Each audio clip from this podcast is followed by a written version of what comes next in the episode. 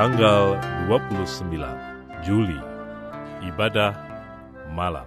Buatlah jiwa hambamu bersuka cita, sebab kepadamu lah ya Tuhan kuangkat jiwaku.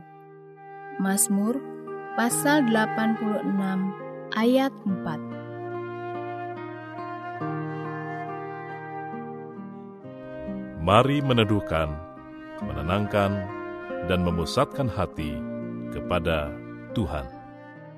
Saat hening.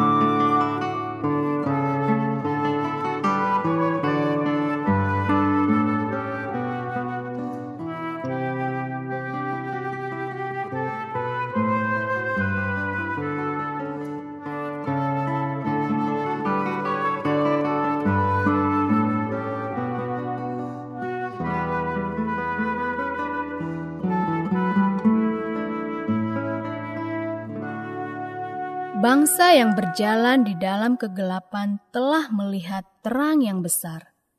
Mereka yang diam di negeri kekelaman, atasnya terang telah bersinar.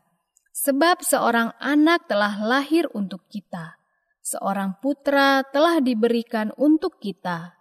Lambang pemerintahan ada di atas bahunya, dan namanya disebutkan orang, penasehat ajaib, Allah yang perkasa, Bapa yang kekal, Raja damai.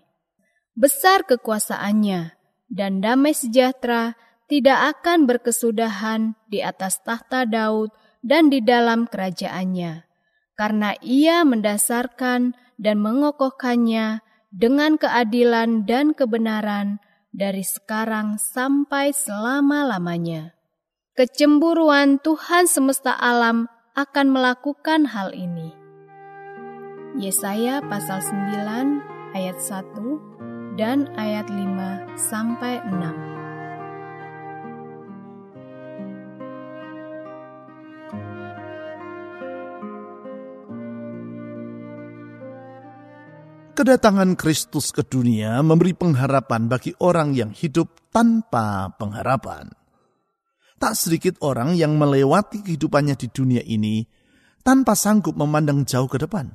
alias ia hidup di dalam keadaan tanpa pengharapan. Besarnya persoalan yang menindas dirinya dan yang berada di luar kemampuannya untuk mengatasinya, mengakibatkan orang tersebut hidup di dalam keputusasaan. Namun Kristus datang untuk memerdekakan manusia dari beban kehidupan yang ditanggungnya. Oleh karena itu, setiap orang yang percaya kepadanya dapat memandang masa depan tanpa was-was ataupun keputusasaan. Dampak dari kedatangan Kristus ke dunia itulah yang dinubuatkan di dalam Yesaya pasal 9. Di situ ditulis tentang bangsa yang berjalan di dalam kegelapan. Sebagaimana layaknya orang yang berada di dalam kegelapan, mereka tak dapat melihat apa yang ada di hadapannya. Itulah gambaran dari orang yang hidup di dalam keputusasaan oleh karena beratnya persoalan. Sedangkan di situ Kristus, Sang Raja Damai, digambarkan seperti terang yang besar yang menyinari orang yang berada di dalam kekelaman. Artinya kedatangan Kristus di dunia menghapuskan kegelapan. Sehingga dengan demikian orang yang berputus asa sekarang dapat hidup di dalam pengharapan.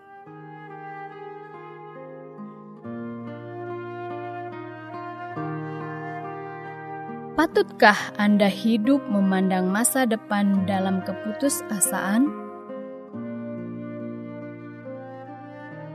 Mengapa demikian? Tuhan, Engkaulah terangku yang memberikan pengharapan bagi jiwaku. Dikala semua yang ada di sekitarku serba gelap dan kelam, terangmu tetap percaya dan tak menjadi pudar. Kasihmu tetap untuk selama-lamanya. Kuasamu tidak pernah berubah dan kesetiaanmu turun-temurun. Kepadamu aku berharap dan tak pernah engkau mengecewakan diriku. Padamu terdapat damai sejahtera, keadilan, dan kebenaran. Di dalam Engkau, ya Tuhan, aku dapat memandang hari esok tanpa ragu maupun gentar. Engkau yang menjamin masa depanku dan jaminanmu kokoh untuk selama-lamanya. Dengan hati yang penuh syukur kepadamu, aku berterima kasih untuk tuntunan dan penyertaanmu yang telah kualami di sepanjang hari ini. Sungguh, engkau adalah Bapa yang kekal bagi hidupku. Di segala keadaan tak pernah engkau membiarkan diriku berjalan seorang diri. Namun engkau senantiasa memegang hidupku dengan kesetiaanmu. Dengan hikmatmu engkau menunjukkan jalan kebenaran dan kehidupan bagi diriku. Ke dalam tanganmu aku menyerahkan hidup dan masa depanku. Genapilah rencanamu dalam hidupku. Di dalam nama Yesus Kristus, Tuhan dan Juru Selamatku aku berdoa. Amin. Berdoalah untuk orang-orang yang sedang memerlukan dukungan doa Anda.